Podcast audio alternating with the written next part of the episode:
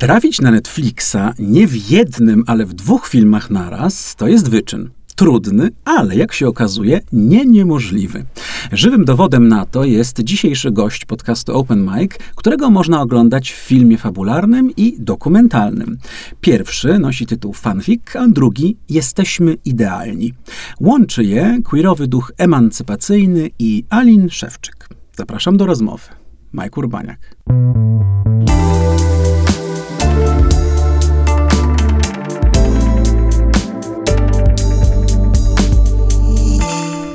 Alin Szewczyk, jak obiecałem, tak się dzieje, tak się dzieje, jest ze mną w studio, witaj serdecznie. Dzień dobry.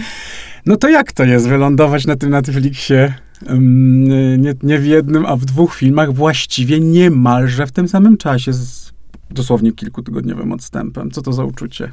E, ciężko stwierdzić tak naprawdę, bo to jest uczucie, które do mnie dochodzi od roku. Od roku, e, a nawet ponad roku mówią mi, Ej mordo, a ty rozumiesz, że ty będziesz teraz y, po prostu łapany na ulicy i, i, proszony o zdjęcie, czy coś takiego? Czy rozumiesz, że to będziesz teraz, twoja twarz będzie totalnie publiczna? Mhm. I czy rozumiesz, mordo?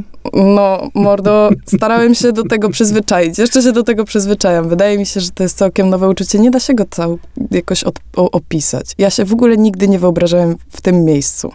A w jakim miejscu się wyobrażałeś? Ach. Nie mam pojęcia. Myślę, że moje myślenie o przyszłości w ogóle nie, nie, nie, nie sięgało 23 roku życia. E, ostatnio myślałem o tym, patrząc na, na paszport, który odebrałem, jak miałem 13 lat. Jest tam mhm. taki mały chłopczyk z jednym kolczykiem w uchu e, i z takim trochę szalonym spojrzeniem. I to jestem mhm. ja. I pamiętam, jak miałem 13 lat, patrzyłem na ten paszport i się zastanawiałem, co ja za te 10 lat, jak ten paszport się będzie kończył, co ja będę robić.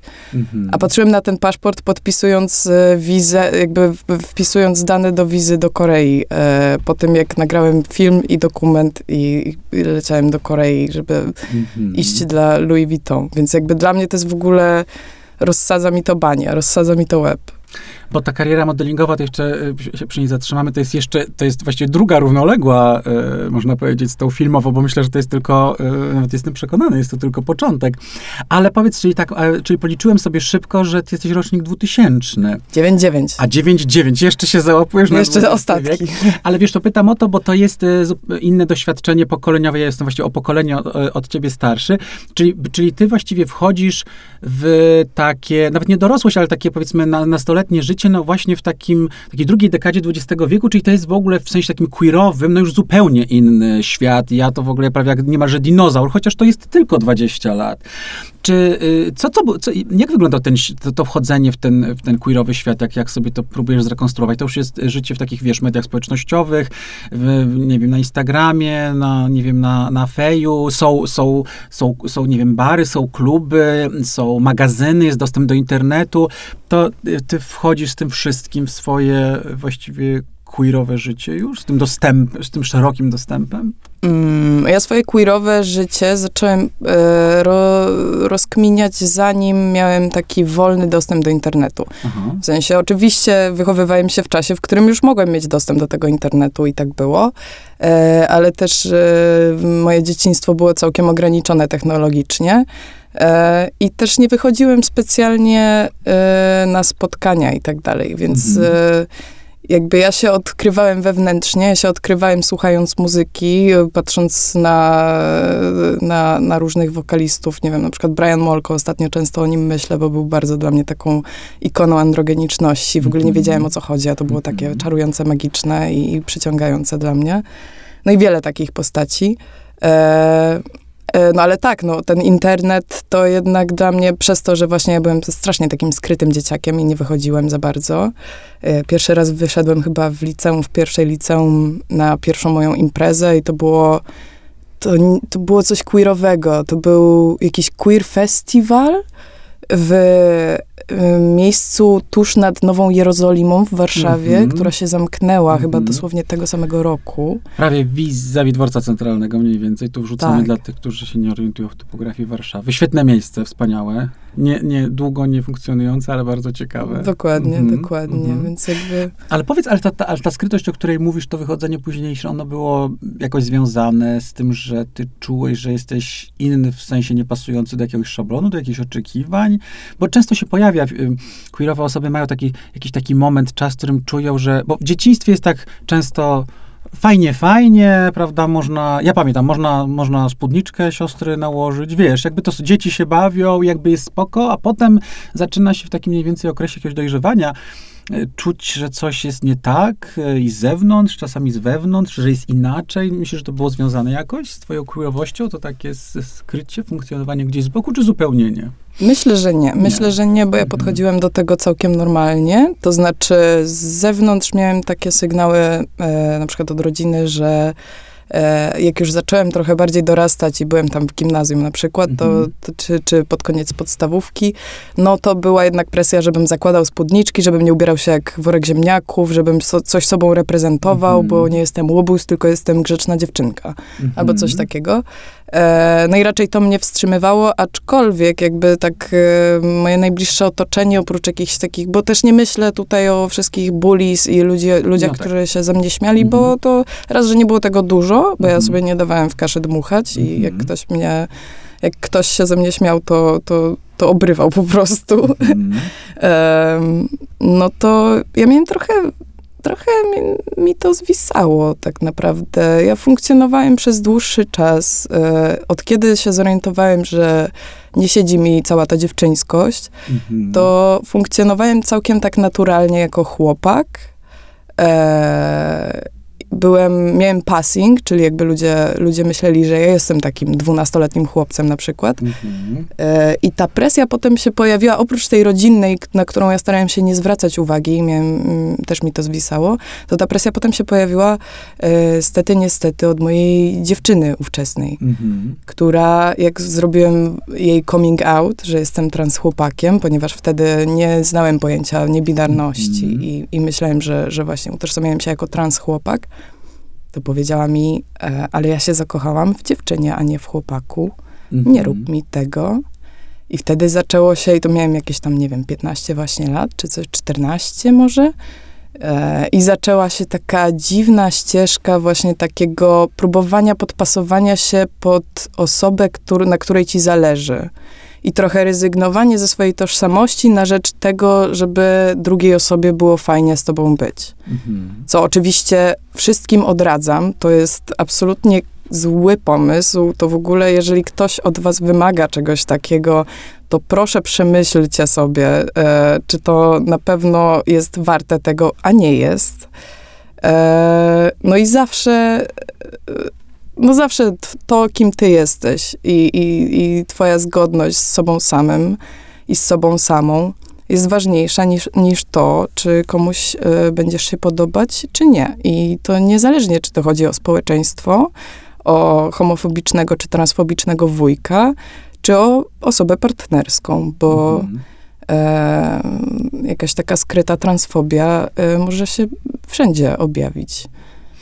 Ty jesteś warszawiakiem, prawda? Tak. E, I chciałem cię zapytać o to, czy uważasz, że to jest, że jest łatwiej, bo wiadomo, że w dużych miastach no, mm, są rozmaite powiedziałbym, okoliczności, które mm, queerowym osobom po prostu pomagają.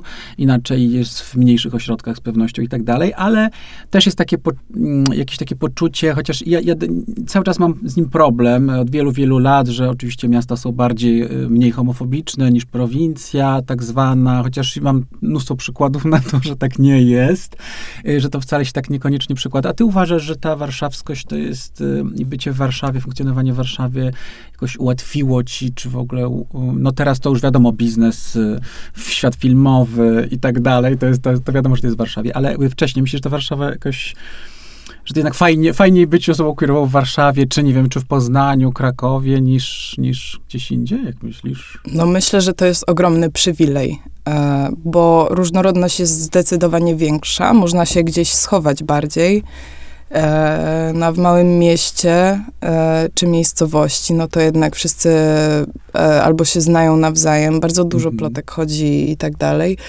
E, nie jestem w stanie powiedzieć, ponieważ ja też nie za bardzo, jakby ja jestem pierwszym z mojej rodziny człowiekiem, który się urodził w Warszawie. Mhm. E, reszta, e, reszta pochodzi ze Śląska. Aha. Przybywszy do Warszawy. Przybywszy, rozumiem. Mhm. dokładnie. I, mhm. ale też nie miałem specjalnie kontaktu właśnie, jedynie tam do, na mhm. Śląsk czasem jeździłem i no kurczę, chociażby y, przykładem moich znajomych, którzy mi coś tam się zwierzali na temat tego, jak, jak ich traktowano, zanim na przykład przyjechali do Warszawy, bo też, mm -hmm. też sporo ludzi przyjeżdża młodych. No to wydaje mi się, że w Warszawie jest zdecydowanie lepiej, jeżeli chodzi o to, -hmm. jak możesz się wyrażać, gdzie możesz się schować, E, ile ludzi jest takich jak ty, bo jest ich zdecydowanie -hmm. więcej, chociażby liczbowo, więc po prostu -hmm. jest wyższa szansa na to, że spotkasz kogoś podobnego e, do siebie. E, no miejscówki dużo robią. Ja, ja bym się nie odnalazł specjalnie, gdybym, gdybym nie zaczął właśnie uczęszczać na jakieś queerowe wydarzenia, których mm. niestety nie ma e, mniejszych w mniejszych ośrodkach. Wiesz, e, to jest, e, bo spotkaliśmy się właściwie dzień przed tym nagraniem na, na, w, w Nowym Teatrze w Warszawie, na, w przerwie spektaklu i no i kiedy się patrzy na te, na, na te osoby, które oczywiście były tam w koło, to naprawdę bardzo queerowe, bardzo kolorowe. Nie, nie wiem, czy już właściwie używa się słowa hipsterskie, już chyba nie, to już chyba stare. już nie. nie ma, już nie ma, już to jest stare słowo ze starego świata, ale wiemy o co chodzi, nie? To znaczy pewnego rodzaju ludzi y, super jakby otwartych, y, rzeczywiście kolorowych, w dużej mierze queerowych i się tam stoi i się sączy to winko w przerwie, y, prawda, w środku tego Mokotowa, to rzeczywiście ma się takie poczucie jednak, no, być życia w zupełnie innym świecie, nie? E, pytanie, na ile on się rozlewa trochę szerzej, na ile to jest taka bańka, w której nieustają, bańka, w których funkcjonujemy nieustająco. Nie, nie wiem, czy zauważyłeś, ale akurat e, przyszedłem z moimi e, przyjaciółmi, którzy wszyscy są e, cis chłopakami, nie zawsze hetero, ale cis chłopakami, mm -hmm. e, z mniejszych miejscowości, więc jakby to są mm -hmm. akurat moi najbliżsi mm -hmm. przyjaciele e, nie wpisują się w tę ramę, ale ale, mhm. E, no ale tak, to prawda, zdecydowana większość to była jednak tak, z takiej bańki. Powiedz, czy był taki moment, w którym ty postan postanawiasz wykopać te drzwi? W tym coming outie e, zdarzają się takie historie, że już mamy, mamy dość, gdzieś e, funkcjonujemy ukradkiem, męczymy się, szamoczemy się, szarpiemy, znosimy, tolerujemy różne rzeczy. Właśnie to trochę o czym mówiłeś wcześniej. Czy miałeś taki moment, w którym powiedziałeś sobie, dobra, już dość, tak, żyję moim życiem, jeżeli komuś to nie odpowiada, to dziękuję bardzo, do widzenia i jakby realizuję swój plan, realizuję swoje marzenie i, i idę do przodu. Był, był taki czas, czy to raczej jest taka, y, tak, takie ewolucyjne wędrowanie w, to, w tę stronę, w, w to miejsce, w którym dzisiaj jesteś? No nie było takiego ostrego cięcia, ponieważ ja nigdy nie byłem w stanie się jakoś specjalnie ukrywać ze sobą. E, to po prostu nie leży w mojej naturze, żeby się jakoś dopasowywać. E, jedyne jakieś dopasowywania to były po prostu e, moje cechy charakteru, a nie to, jaka, jaką ja mam tożsamość. Więc nad tym, nad tym pierwszym pracuję na terapii, a nad tym mhm. drugim ono po prostu wychodzi ze mnie, nieważne czy ja tego chcę, czy nie. Nawet jak się próbuję jakoś Y, ukryć, y, zamaskować, wsadzić w ten tak zwany girl mode, y, czyli właśnie funkcjonowanie jako płeć przypisana przy urodzeniu, w moim przypadku, to i tak nie jestem w stanie pilnować swoich zaimków. I po prostu mhm. zawsze mi się wyślizgnie, jak byłem w Bydgoszczy w zeszłym roku robić papiery na spawacza, e, byłem jedyną osobą, która e, ma płeć żeńską przypisaną przy urodzeniu tam.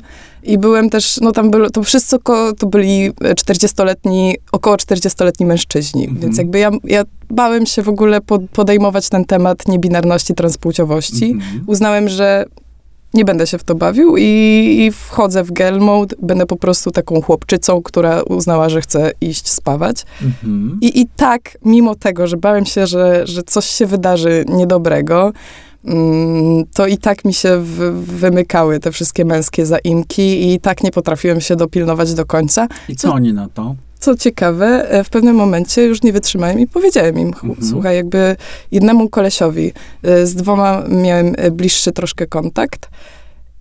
I jeden pewnego dnia powiedział mi, że on to nie rozumie tych wszystkich niebinarnych, że to jest dla niego wymysł, że on tatuował kiedyś jakąś taką dziewczynę i ona mu powiedziała, że jest niebinarna i że co to w ogóle ma znaczyć. Że to jakieś takie, mhm. no właśnie, dżenzetowe wymyślanie.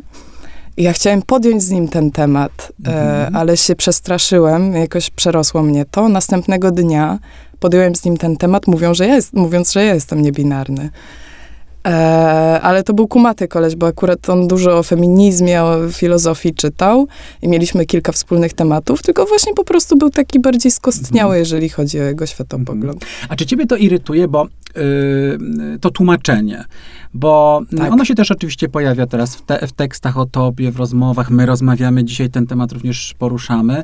No i to jest trochę taka misja, no właśnie edukacyjna, prawda? Znaczy tłumaczenia, właśnie to, że ludzie często mówią, że nie rozumieją, yy, nie rozumieją E, e, tego, że właściwie co to znaczy i tak dalej. I, no i ja właśnie, ja, ja przez 20 lat musiałem tłumaczyć, co to jest co znaczy być gejem i co to jest ten gej, co to jest ten homoseksualny mężczyzna, to gej lesbijka, bo wtedy byliśmy na etapie gej lesbijka, mm, to był mm, ten mhm. krok, prawda? Potem pojawiają się osoby transpłciowe, transpłciowość, jakby to jest tłumaczone, dalej to jest tłumaczone, ale już, ale już widzę, że to jest, już, już ludzie wiedzą jakby przynajmniej, o, czy, się, czy, czy, czy się zgadzają, czy nie zgadzają, bez względu na to, jakie mają poglądy, jakby już wiedzą, co to jakby mniej więcej jest. Teraz mamy niebinarność i bardzo często się pojawia to, że nie rozumiem, w związku z tym my o tym rozmawiamy, pytamy, czy ciebie to już męczy, bo ja miałem, pamiętam, taki etap w swoim życiu, że powiedziałem dość.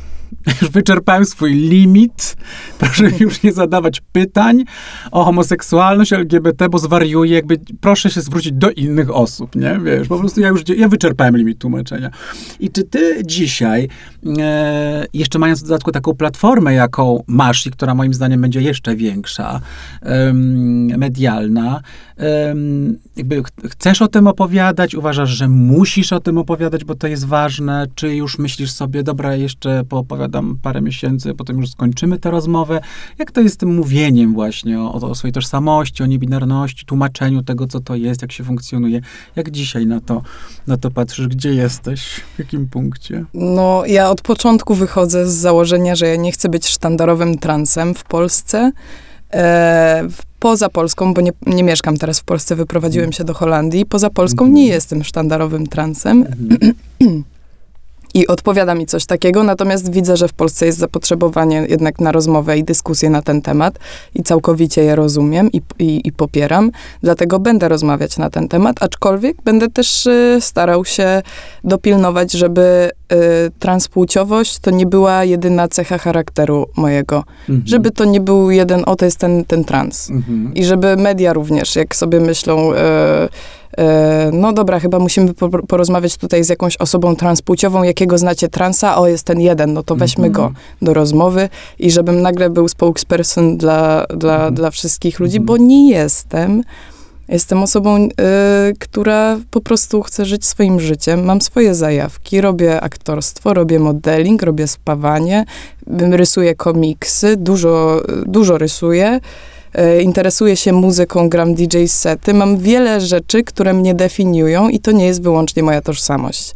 Myślę, że moja tożsamość to jest taki nieodłączny element, no bo po prostu taki jestem i niestety żyję w takim społeczeństwie, w którym muszę ją uwydatniać, e, żeby, żeby ona była uszanowana, ale to zdecydowanie nie jest jakiś taki mój clue. To nie jest mój to nie jest, to nie mhm. jest jedyna rzecz, która -hmm. mnie definiuje. Bardzo mi się podoba ta lista. Aktorstwo, y, modeling, y, rysowanie, muzyka, spawanie. Wspaniałe. To, dobra, o co chodzi z tym spawaniem? Proszę mi powiedzieć. Co, co to jest za kurs, za papier? Co to jest? Co, co to jest za pasja? Bo jeszcze nie e. rozmawiałem w ogóle z, nigdy, nigdy, a zrobiłem w swoim życiu parę tysięcy wywiadów z kimś, kto powiedział mi o, o, o pasji do spawania, więc to powiedz o tym spawaniu, bo już padło parokrotnie to spawanie. No, e, zaczęło się mm, właściwie w trakcie pracy nad fanfikiem, ponieważ ja wtedy przygotowywałem się, zanim, zanim w ogóle się dowiedziałem, że będę grać w filmie, no to chciałem się wyprowadzić e, na studia. Mhm. E, E, znaczy, najpierw chciałem się wyprowadzić z Polski, a potem uznałem, że najlepiej to by było na studia, ponieważ e, mhm. e, trzeba mieć jakieś takie zahaczenie w rzeczywistości. Ale dlatego, powiedz mi tylko, przepraszam, powiedz, wyprowadzić się z Polski właśnie dlatego, że właśnie o, osobie nienormatywnej tak. są, są kraje fajniejsze, krótko mówiąc, tak. do życia dla osób nienormatywnych. Rozumiem, że to był powód. Tak. Mhm. Okay. No i? Wybrałem studia zgodne z moimi zainteresowaniami. Szkoła designu w Eindhoven. Mhm. I na pracę do teczki uznałem, że chciałbym zrobić, musiałem zrobić krzesło z jakichś trzech materiałów. Uznałem, że chciałbym bardzo z metalu coś zrobić, ponieważ jest to taka, coś, coś takiego jest fajnego w takiej ciężkiej, zimnej, stalowej powierzchni. E, E, I okazało się, że mój e, dobry znajomy ma małą spawarkę w swoim małym warsztaciku i powiedział, dobra, słucham, dam, dam, dam ci, pobaw się, zobaczymy, co z tego wyjdzie. Ja się pobawiłem, nabawiłem się gorączki spawacza przez chwileczkę, e, nawdychałem się jakichś dziwnych rzeczy, nie umiejąc po prostu -hmm, obsługiwać się czymś takim, no ale zrobiłem i pomyślałem sobie, kurde, to jest mega zajawkowe, ale też nie chciałbym wyłącznie robić jakichś takich y, detalicznych, małych rzeczy. Chciałbym to robić na serio. Chciałbym wybudować kiedyś most. Chciałbym wybudować jakiś budynek. E, no i uznałem, oczywiście tam po zdjęciach do fanfika i tak dalej, dostałem wypłatę, powiedziałem tak, zrobię kurs na spawacza, kurs na prawo jazdy i wyniosę się z kraju. I to są trzy rzeczy, które dadzą mi lepszy start gdzieś poza Polską. I sprawdziło się? No, wy, wyniosłem się i nagle stałem się modelką. Czyli kurs spawacza, to jest ta droga. Myślę, że po naszej rozmowie może wzrosnąć zainteresowanie e, Polecam. tymi, e, te, tego typu kursami. No właśnie, bo to są e, właściwie jakieś równoległe dzisiaj e, kariery twoje, prawda? Modeling i aktorstwo. Czy chcesz w ogóle wędrować w tę stronę? Bo mamy, bo tak, fanfic nie jest pierwszym filmem, w którym wystąpiłeś. Mm, e, więc mamy też dokument y, Jesteśmy Idealni, Marka Kozakiewicza, y, y, wspaniały, niezwykle ciekawy. Polecam e, osobom e, nas słuchającym też mój tekst do Woga, który napisałem w ogóle o tym filmie. I w ogóle mamy parę fajnych tekstów o Wogu i też i o Alinie, i o filmie, i o fanfiku, i, więc mhm. mamy cały pakiet. I teraz rozmowę. To jest droga, którą chcesz wędrować, to są równoległe drogi, którymi chcesz wędrować, modeling, aktorstwo i te, te pasje jeszcze, o których mówisz, pasje związane z szeroko pojętym designem, plastyką, slash spawaniem, y, muzyka, wszystko chcesz sobie rozwijać jakoś równolegle i pracować z tym, czy, czy jakiś azymut obierasz teraz? Póki co nie obieram jeszcze azymutu, bo wiem, że modelingu nie mogę brać e, for granted. Mhm. To nie jest coś, co będzie e, mi towarzyszyło przez całe życie i też nie chcę, żeby mi towarzyszyło. Zacząłem głównie z zajawki, żeby mhm. sobie coś, e, to znaczy z zajawki właśnie, mniej z zajawki, z i tym, żeby, żeby sobie coś udowodnić, bo chciałem mhm. pójść na męskim i na damskim Fashion Weeku. Mhm. I udało się jeden pokaz zrobiłem na męskim, e, pośród tych wszystkich damskich, bo niestety to jest bardzo, niestety, niestety, bardzo, bardzo żeński zawód. Mhm. Mm, no ale też e, on bardzo polega na wyglądzie mhm. i na tym, czy, czy teraz coś takiego e, jest w modzie, czy nie. W sensie mówię coś takiego, mając na myśli moją twarz, moją sylwetkę i tak dalej. No właśnie to pytanie, czy nie jest, bo, bo tak myślę, że, że taki trend nie siedzę tak super w tym świecie, no ale czytam, obserwuję i widać też, że ta, no właśnie, powiedzmy szeroko pojęta niebinarność czy queerowość wchodzi też do tego świata, prawda? One to w ogóle świata bardzo, bardzo binarnego. To jest bardzo binarny świat. Zresztą podobnie jak aktorstwo, prawda? Jakby jak dzisiaj szkoły, szkoły aktorskie, e, no pewnie się będzie też zmieniało, no ale one są super binarne, nie?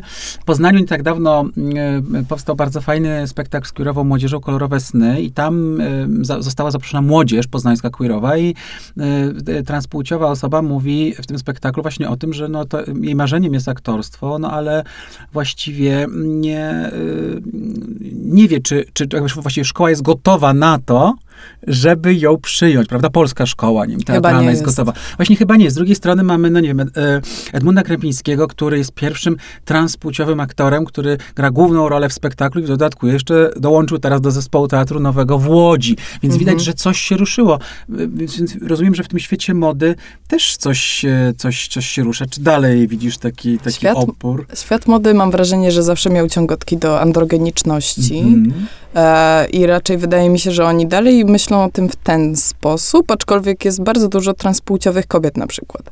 I ta niebinarność tam jeszcze mam wrażenie raczkuje, to znaczy, mhm. że jakby jest dużo uniseksowych e, ubrań, e, ale tak, żeby, żeby od, od, od backstage'u, mm, tak mhm. zwanego, mhm. żeby e, myśleć o jakiejś takiej inkluzywności, świadomości e, i wiedzy na temat osób niebinarnych, bo transpłciowość, okej, okay, oni już to mają obcykane, mhm. trochę bardziej niż, niż, e, niż my tutaj, e, ale żeby niebinarność, to jednak jest to trochę tricky temat, no bo jednak on wymaga mm, to jest w ogóle coś, co mi się podoba z, z, w ogóle z podejściem do niebinarności, że to wymaga od ciebie, żebyś się zatrzymać i zastanowić, mhm. że nie zawsze to, co widzisz, e, to jest to, czym to jest. Jeżeli widzisz, że ktoś ma sukienkę, to to nie oznacza od razu, że jest kobietą. Mhm. Jeżeli widzisz, że ktoś ma damskie rysy twarzy, czy męskie, nie oznacza, że używa takich, a siakich zaimków. Warto się zapytać i tak dalej. I to mam wrażenie, że no, niektórych to wkurza, że, że oni muszą właśnie się tak zatrzymywać i zastanawiać i pytać i No tak, upewniać. bo nie lubimy konfuzji, bo nasze mózgi też tak działają. Nie lubimy szybko wiedzieć, metkę przykleić, po prostu bo, zaszufladkować, nie? No bo tak. po prostu tak funkcjonujemy, a tu nadchodzi świat, który mówi mówi właśnie to, co... Zwolnij co, mordeczko. Zwolnij, nie? Zwolnij mordeczko, mhm. zastanów się, zapytaj. I to jest ta, myślę, że to jest ten, ta problematyczność dla wielu osób, nie? Mhm. E, związana właśnie z takim nie, nieokreśleniem, albo właśnie tym, że, że to, co widzimy, niekoniecznie jest tym, co nam się wydaje. Dokładnie, że, że to jest. nie jest takie czarno-białe. Mhm. A mi się wydaje w ogóle, że to jest bardzo takie zdrowe podejście, w takim sensie, że jakby my już wszystko tak czy inaczej zbyt czarno-biało, za szybko, e, za bardzo e, szufladkujemy i tak dalej, to wszystko przecież nie tak wygląda. To jest coś, co ma nam pomóc, e, taki, taki sposób patrzenia na świat i kategoryzowania świata, to jest coś, co ma nam pomóc, ale w jakimś takim kapitalistycznym wydaniu.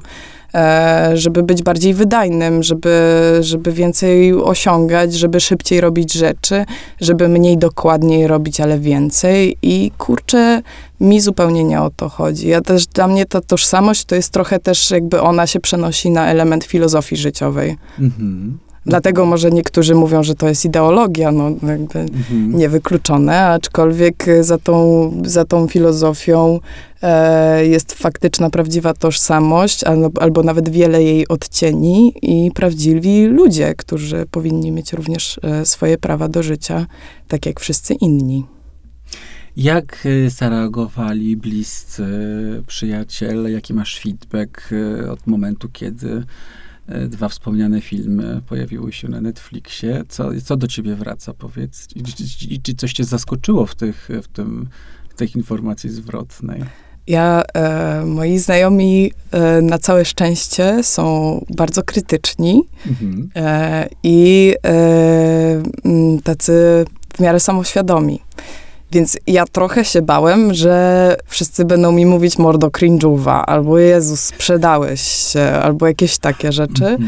E, no i oczywiście jest to tak, ja, ja to sam w ogóle powtarzam, że jestem mainstream sellout w tym momencie, bo to też e, idzie trochę w niezgodzie z moimi przekonaniami, mm. e, ale wydaje mi się, że to jest potrzebne i moi znajomi to rozumieją i e, szokuje mnie również to, że oni również są poruszeni e, tym, że, że to się wydarzyło, że jest ten e, fanfic, ale przede wszystkim, że jest ten dokument, ponieważ to też opowiada właśnie jakąś taką bardzo prywatną historię, która pozwala zrozumieć trochę więcej. Mhm.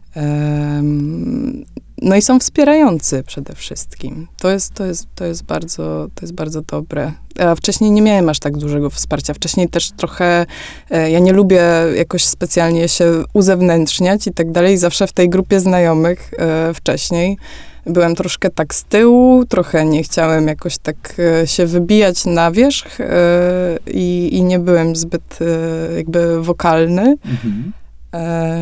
No ale tam w tym tle tak się zadział ten fanfic i tak się zadział ten dokument i to nagle tak wyszło i ja też trochę popracowałem nad sobą i swoją pewnością siebie. Mhm. I te relacje po prostu się w wspaniały sposób y, y, wzmocniły.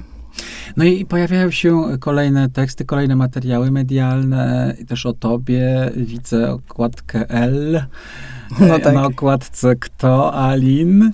E, to jest fajne, e, to jest fajna zabawa, to jest e, właśnie jakiś strach przed jakimś za bardzo uzewnętrznianiem się i, i, funkcjonowaniem właśnie takim medialnym, bo wolisz na przykład inaczej, czy właśnie poczucie jakiegoś selloutu, że teraz lądujesz na, nie wiem, okładkach super komercyjnych, jakby kolorowych magazynów, czy wręcz odwrotnie, bo to jest właśnie jakaś gdzieś tam trochę misja, że użyję tego słowa. Jak, jak się w tym odnajdujesz, jak funkcjonujesz teraz, jak idziesz sobie ulicą i tu, i tu okładka L i tu ja. E, no to trochę jest misja. Ja to trochę mhm. traktuję jak misję. Jeszcze to rozkminiam, w jaki sposób, e, w jaki sposób do tego podchodzić, bo póki co oddzielam to, kim jestem medialnie mhm. i dla ludzi, którzy mnie nie znają, od tego, kim jestem prywatnie. E, ale też nie wiem, jak bardzo jest to dla mnie e, przydatne podejście, ponieważ też nie chcę, oddzielając tak swoje życie zawodowe od prywatnego, nie chcę, żeby do tego zawodowego mojego podejścia wkradły się jakieś właśnie takie bardziej kapitalistyczne, materialistyczne rozkminki, które mnie będą rozluźniać coraz bardziej i coraz bardziej będę sobie pozwalać na to, żeby robić jakieś bezsensowne rzeczy mm -hmm. i i skończyć w pewnym momencie po prostu w jakimś takim miejscu, w którym rozejrzę się i powiem, kurczę, a gdzie są wszyscy moi przyjaciele, gdzie są e, wszyscy ludzie, na których mi zależy i gdzie są wartości, na których mi zależy. Mhm. Dlatego też e, zastanawiam, jestem, jestem teraz rozdarty, na szczęście dopiero zaczynam, jeszcze pewnie będę miał czas to rozkminić troszkę, ale jeszcze się zastanawiam, jak, jak bardzo tej prywaty mojej wtłaczać w to, no bo jednak e, chciałbym, chciałbym, żeby ten taki w ogóle dyskurs wokół tego trochę się zmienił. Nie wiem, jak bardzo mam na to wpływ, będę musiał to sprawdzać po, po mhm. troszeczku. E, ale, ale też nie chcę po prostu e, być tylko i wyłącznie tą właśnie tożsamością, która sobie tak lata i którą można wziąć i powiedzieć, o słuchajcie, tutaj mamy transpłciowość, to tak wygląda, było w filmie, było na okładce, było w, na okładce książki i, i to tak wygląda i tacy powinni być na przykład wszyscy, mhm. wszyscy transi, że tak powiem. Mhm. Zupełnie tak nie jest, ludzie są różni. Mhm.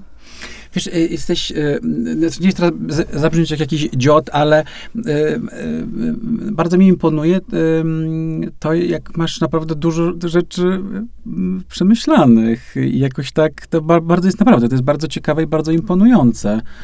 E... Byłem na terapii. A, to wszystko ustawia i pomaga. Polecam, polecam, e... zwłaszcza osobom, mm. które niestety ale cierpią na mm. stresy mniejszościowe. Mm -hmm. No bo wiesz, to jest oczywiście kuszące bardzo, to, to też o tym mówisz, prawda? To znaczy takie właśnie, czy okładki, czy film, czy programy, za tym idą różne przyjemnostki po prostu. My jako ludzie bardzo lubimy przyjemnostki, lubimy z tego korzystać, nie? Więc takie świadome, świadoma próba kontrolowania tego, pilnowania tego, to jest niebagatelne zadanie, ale rozumiem, że też pomaga niemieszkanie tutaj prawda? No bo jednak rozumiem, że teraz tutaj masz serię. Bywam. E, bywasz w Warszawie, masz tu serię różnych, różnych medialnych też spraw i spotkań i tak dalej, ale rozumiem, że wracasz do Eindhoven i, i, i wracasz do swojej pasji, wracasz do tak.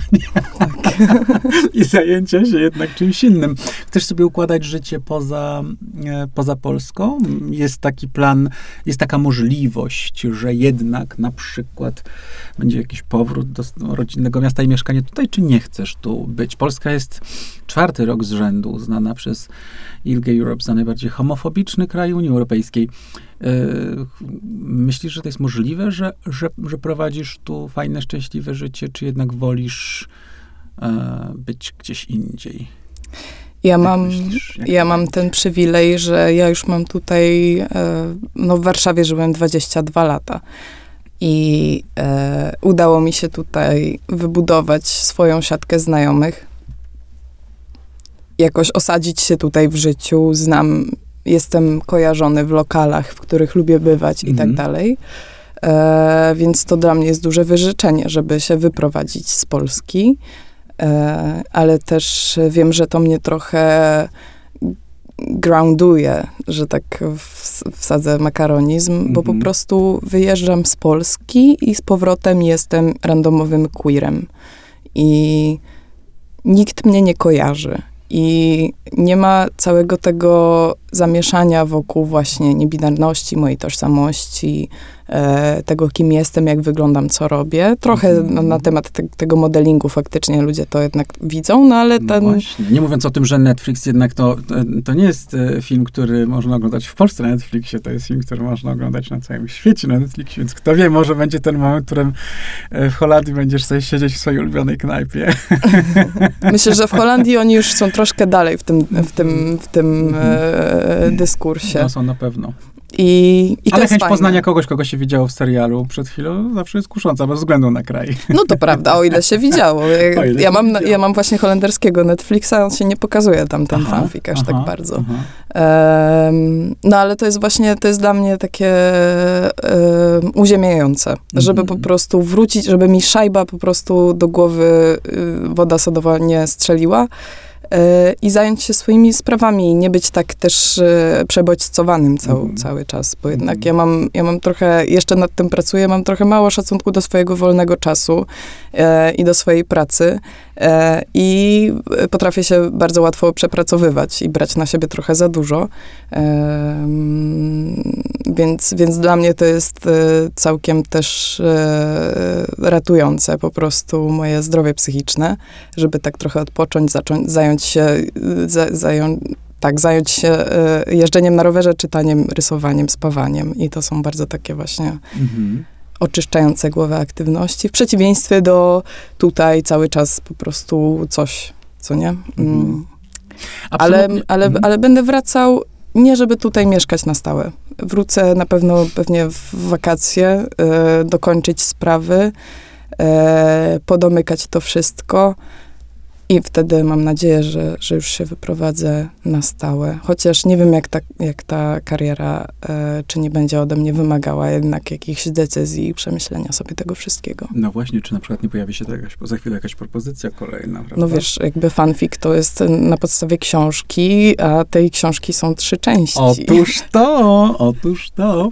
Ja to w ogóle absolutnie rozumiem i szanuję i to jest świetne. Ch- Chęć też utrzymania takiego balansu i w ogóle prowadzenia swojego po prostu życia poza tym wszystkim. Jednocześnie myślę, że twoja obecność medialna i tych projektów, y, w których uczestniczysz teraz w tych filmach, no ma niebagatelne znaczenie dla myślę, bardzo wielu młodych osób niebinarnych, transpłciowych, bo to naprawdę pokazuje, że można. Że, że to jest możliwe już, nie? Chociażby wspominając tego, tego, mm, tę osobę, bo właśnie nie pamiętam, czy to był chłopak e, w tej chwili już kto to był, czy to był chłopak, czy to była dziewczyna, więc mówię tę osobę transpłciową z tego spektaklu, która mówi, że ma marzenia, ale może się nie odważy, bo czy szkoła jest gotowa. I myślę sobie, że jak jakaś młoda osoba, która ma takie marzenie, ogląda sobie, zapoda sobie fanfika na Netflixie, to może sobie pomyśli, no właśnie, może spróbuję. Może to jest ten moment, w którym ja pójdę z Mhm. moją tożsamością na egzamin, na przykład, nie? Do szkoły teatralnej, a może mnie przyjmą. Może jakiś nauczyciel, a może A jakiś może wykładowca. właśnie no, wykładowcy to oglądają. Wiesz, że jakby, że, że myślę, że naprawdę to, to, to w czym uczes- uczestniczysz, czego jesteś częścią, co robisz, ma mm, po prostu super y, fundamentalne znaczenie, szczególnie no, w, na, w naszym kraju, nie? Więc nie chcąc wrzucać ci tego głazu na plecy, Ajajaj. Zaznaczam to tylko, że to jest naprawdę ważne i fantastyczne, fantastyczne. Bardzo ci gratuluję tego i tego, że udaje ci się tak tę e, swoją drogę e, tutaj prowadzić według, e, no według tego, jak chcesz. Trochę za, zatoczyliśmy koło, czyli życia nie dla kogoś, nie tego, jak ktoś sobie wyobraża, jakby nas chciał, tylko tak, jak my tego chcemy, więc bardzo ci gratuluję. Dziękuję bardzo. Fanfic. Jesteśmy idealni na Netflixie do oglądania. Kto jeszcze nie widział, niechaj, e, niechaj e, ogląda. A ja ci bardzo dziękuję za to nasze spotkanie. Ali Szewczyk, model, aktor, spawacz. Był gościem tego podcastu Open Mic. Dzięki. Dziękuję bardzo.